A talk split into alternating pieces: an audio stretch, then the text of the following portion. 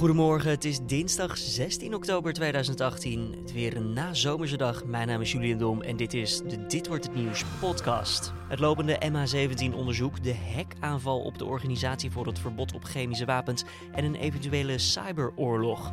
Allemaal zaken waar vermoedelijk Rusland de hoofdrol in speelt. En daarom bellen we vandaag met Raam op Rusland over de huidige relatie tussen Nederland en het land. Uh, maar uiteindelijk uh, is Europa nog steeds de belangrijkste handelspartner van Rusland. En uh, ze kunnen zich dus een, een, een uiteenvallend Europa eigenlijk helemaal niet veroorloven. En het is Wereldvoedseldag. Ben jij ervan bewust dat we momenteel veel goed eten verspillen? Wat kan je het beste doen tegen verspilling en wat zijn de fabeltjes van de voedselindustrie? Dat hoor je allemaal straks. Nu eerst het belangrijkste nieuws van nu. Paul Allen, medeoprichter van Microsoft, is maandagmiddag in Seattle overleden aan de gevolgen van lymfklierkanker. Allen leed in 2009 ook al aan de ziekte. Begin oktober maakte hij bekend dat de ziekte was teruggekeerd. Naast het oprichten van Microsoft stond hij vooral bekend als eigenaar van meerdere sportteams en als filantroop. In de afgelopen week hebben 33 mensen ebola gekregen in Congo. In totaal zijn er al 130 mensen overleden aan ebola sinds de ziekte eerder dit jaar uitbrak in de staat. De angst is groot dat het virus verder om zich heen grijpt. Aanvallen van rebellen in de regio Oost-Congo hebben de hulpverlening namelijk gehinderd. En daardoor is de kans op besmetting flink toegenomen voor bewoners. This is a Fox News alert and what appears to be a huge win tonight for President Trump. A judge has just dismissed a defamation lawsuit brought against him by adult film star actress Stormy Daniels. Ja, positief nieuws dus voor de Amerikaanse president Donald Trump. Hij heeft namelijk een van de rechtszaken tegen pornoster Stormy Daniels gewonnen. Het ging over een tweet van de president waarin hij een bedreiging aan het adres van Daniels afdoet als nep. De rechter in Texas heeft bepaald dat de tweet geen laster was. Daniels moet daarom de advocaatkosten van Trump betalen. Het aantal mensen dat is overleden door euthanasie is in de eerste maanden van 2018 voor het eerst sinds jaren gedaald. Dat blijkt uit cijfers van Trouw. Die hebben dat opgevraagd bij het ministerie van Volksgezondheid. Een precieze oorzaak is niet te noemen, maar de griepgolf en angst voor vervolging van artsen zijn waarschijnlijke redenen. Het is de eerste daling sinds 2003. En dan gaan we naar de interviews van vandaag, oftewel dit wordt het nieuws. Nederland bevindt zich momenteel in een oorlog, een cyberoorlog wel te verstaan met Rusland. Dat zei minister van Defensie Anke Bijleveld zondag op NPO 1. Bijleveld reageerde daarmee op de vereidelde Russische hackaanval op de Organisatie voor het Verbod op Chemische Wapens, de OPCW. En verder is de relatie met Rusland ook nog steeds twijfelachtig door het MH17-onderzoek. Collega Carne van der Brink belde met voormalig NRC-Rusland-correspondent Laura Starink. Ze is momenteel werkzaam bij het kennisplatform Raam op Rusland. En Carne vroeg hoe het is gesteld met de huidige relatie tussen beide landen. Nou, die relatie is denk ik in, in, in, in geen tientallen jaren zo slecht geweest als nu. Uh, en dat heeft een hele, een hele serie redenen natuurlijk. Uh, het is, kijk, oorspronkelijk waren de verhoudingen tussen Nederland en Rusland altijd heel goed. Omdat uh, wij met onze gasunie en de gas in, uh, in Groningen uh, uitstekende contacten altijd hebben gehad met Gazprom, het, uh, het Russische gas, staatsgasbedrijf. En ja, handel stond in Nederland altijd heel hoog in het vaandel. En eigenlijk is er een, een, een, een, een natuurlijk een hele zware kink in de kabel gekomen met de MH17, het neerhalen van, dat, van die Boeing boven Oost-Oekraïne, waar een oorlog woedt tussen Rusland en, en Oekraïne.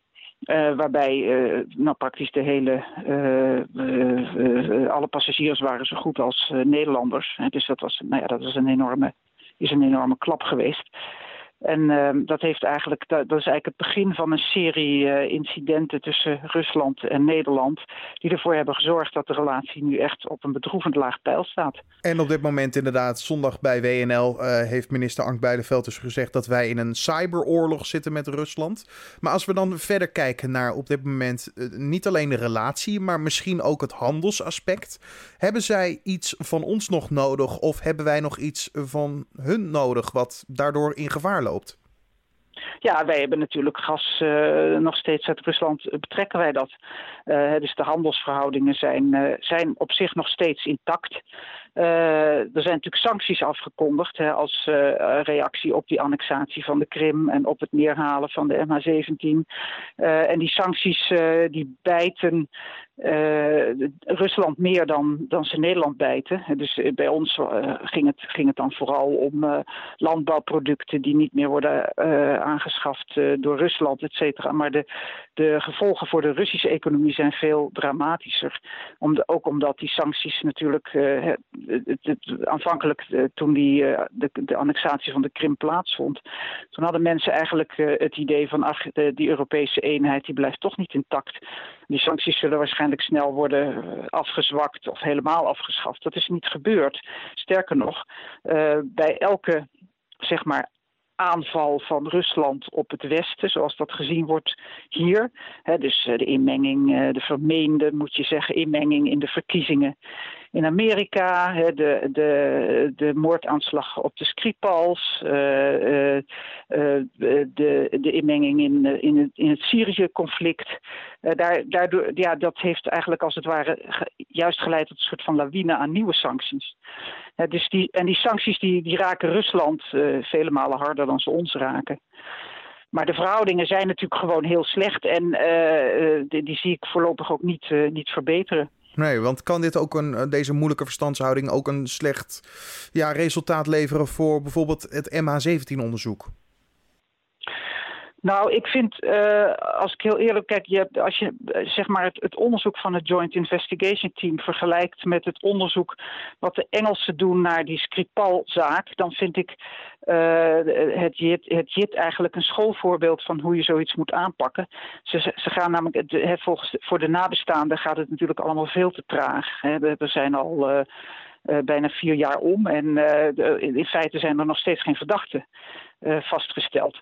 Maar wat zij doen is successievelijk echt heel diepgravend onderzoek. waarbij voortdurend dingen worden uitgesloten en nieuwe feiten uit boven tafel worden gehaald. En ja, die laatste persconferentie die vond ik behoorlijk indrukwekkend en behoorlijk overtuigend. Uh, en als dat staat eigenlijk een beetje in schril contrast met uh, de, de manier waarop de Britten hebben geopereerd in die Skripal-zaak. Want daar, ja, daar, daar werd heel snel heel hard geschreeuwd. Terwijl er nog eigenlijk weinig hard bewijs was dat, dat, dat het inderdaad om Novichok ging en dat het um, en dat, de, dat Poetin aan de knoppen zat, zeg maar. Dus ik vind eigenlijk dat de Nederlanders wat dat betreft dat, dat wel goed doen. Die doen het heel zorgvuldig. Maar het frustrerende is natuurlijk dat het, het effect is hetzelfde. Hè? Of je nu snel tot conclusies komt, zoals de Britten gedaan hebben. Of je gaat heel langzaam te werk. De Russen wijzen alles af. En zeggen dat het allemaal propaganda en desinformatie is. En zo. Je komt dus eigenlijk geen stap verder. Nee, ze blijven het ontkennen inderdaad. Eh, alleen kunnen we deze situatie misschien ook wel vergelijken met een, een koude oorlogssituatie? Is die, is die vergelijking te maken? Nee, ik denk dat, het, dat, dat dat geen goede vergelijking is. In de Koude Oorlog had je twee machtsblokken tegenover elkaar die uh, tot de tanden bewapend waren en uh, elkaar uh, via de nucleaire paraplu zeg maar in evenwicht hielden. Um, en eh, dat is natuurlijk op dit moment niet, uh, niet, niet aan de orde. De wereld is volstrekt veranderd.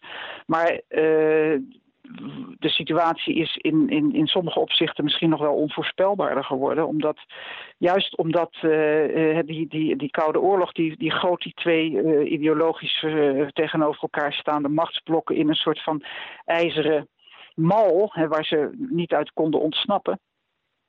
Maar de situatie is nu veel, veel meer fluïde geraakt.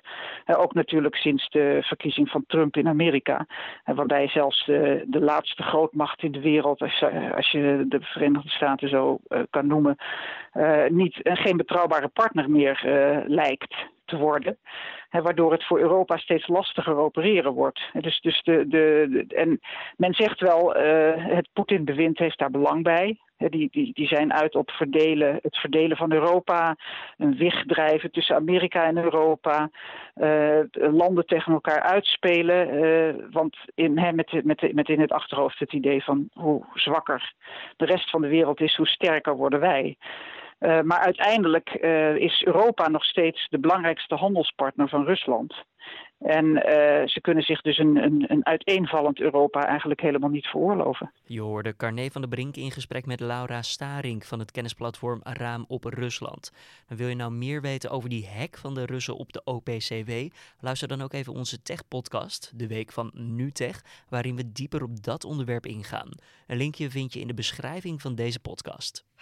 16 oktober, Wereldvoedseldag. Een internationale bewustwordingsdag die in 1979 in het leven is geroepen door de Verenigde Naties. Dat om aandacht te vragen voor voedselzekerheid. Hoe gaan we eigenlijk zelf met ons eten om? Zijn we zuinig, efficiënt of is voedselverspilling een groot probleem? Dat vroeg Carne van der Brink aan Kirsten Palant, communicatieadviseur bij Milieucentraal. Nou, dat is best een groot probleem. Als, uh, als Nederlandse huishoudens verspillen we zo'n 41 kilo per persoon per jaar. Um, en daarmee zijn we als consument echt de grootste verspiller. Zo'n uh, ja, ruim 50% van alle verspilling vindt dus plaats bij ons thuis.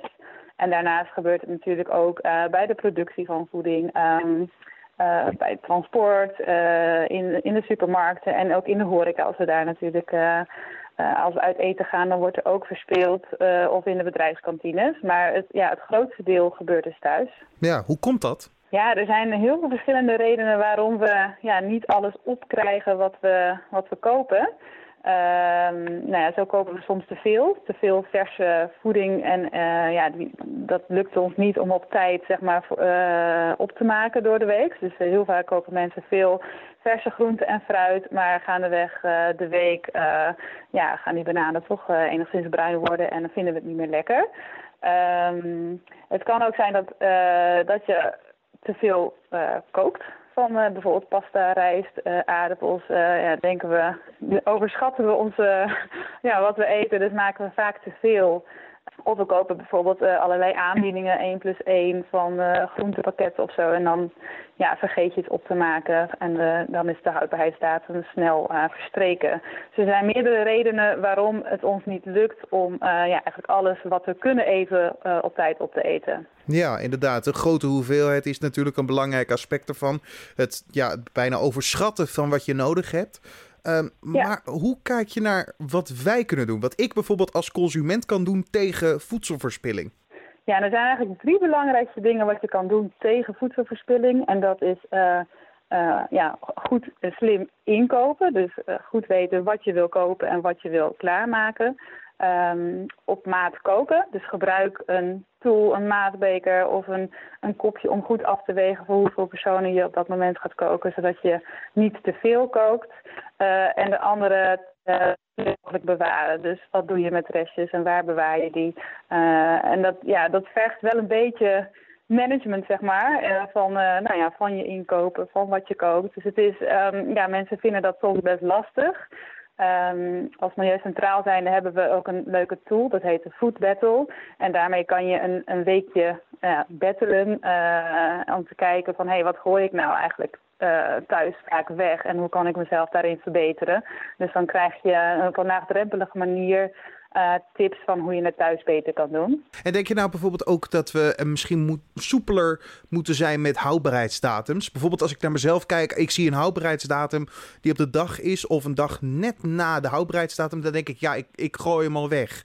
Daar hoef ik niks meer mee te doen, wat het staat op die etiket dat het niet meer goed is. Moeten we daar iets soepeler ja. mee zijn? Ja, met de THT, de tenminste houdbaar tot datum, kunnen we veel soepeler zijn. Uh, je hebt ook een TGT-datum, te gebruiken tot, en dat staat voornamelijk op vlees en vis. Ja, daar, mag je, daar kan je beter niet uh, dat niet langer bewaren dan die datum. Want dan heb je echt risico op dat het, dat het voedsel raden wij altijd aan om je zintuigen beter te gebruiken. Dus ruik, proef een beetje en kijk of het nog goed is. Wat meestal kan, vooral droge producten zoals meel of rijst, kan echt veel langer mee dan, dan de, de datum die erop staat. Dat is eigenlijk een soort van adviesdatum waarin de leverancier garandeert dat het in ieder goed moet zijn. Maar eigenlijk kan, je, kan het veel langer mee. Denk je op dit moment dat er alleen nog terrein te winnen is bij de consument of ook bij de supermarkten?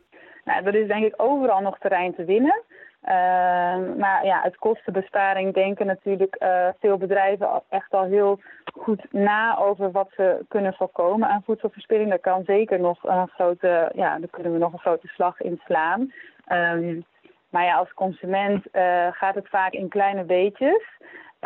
En dan lijkt het alsof het niet veel is, maar eigenlijk al met al kan je als consument met een, ja, met een aantal goede tips kan je al best wel wat besparen.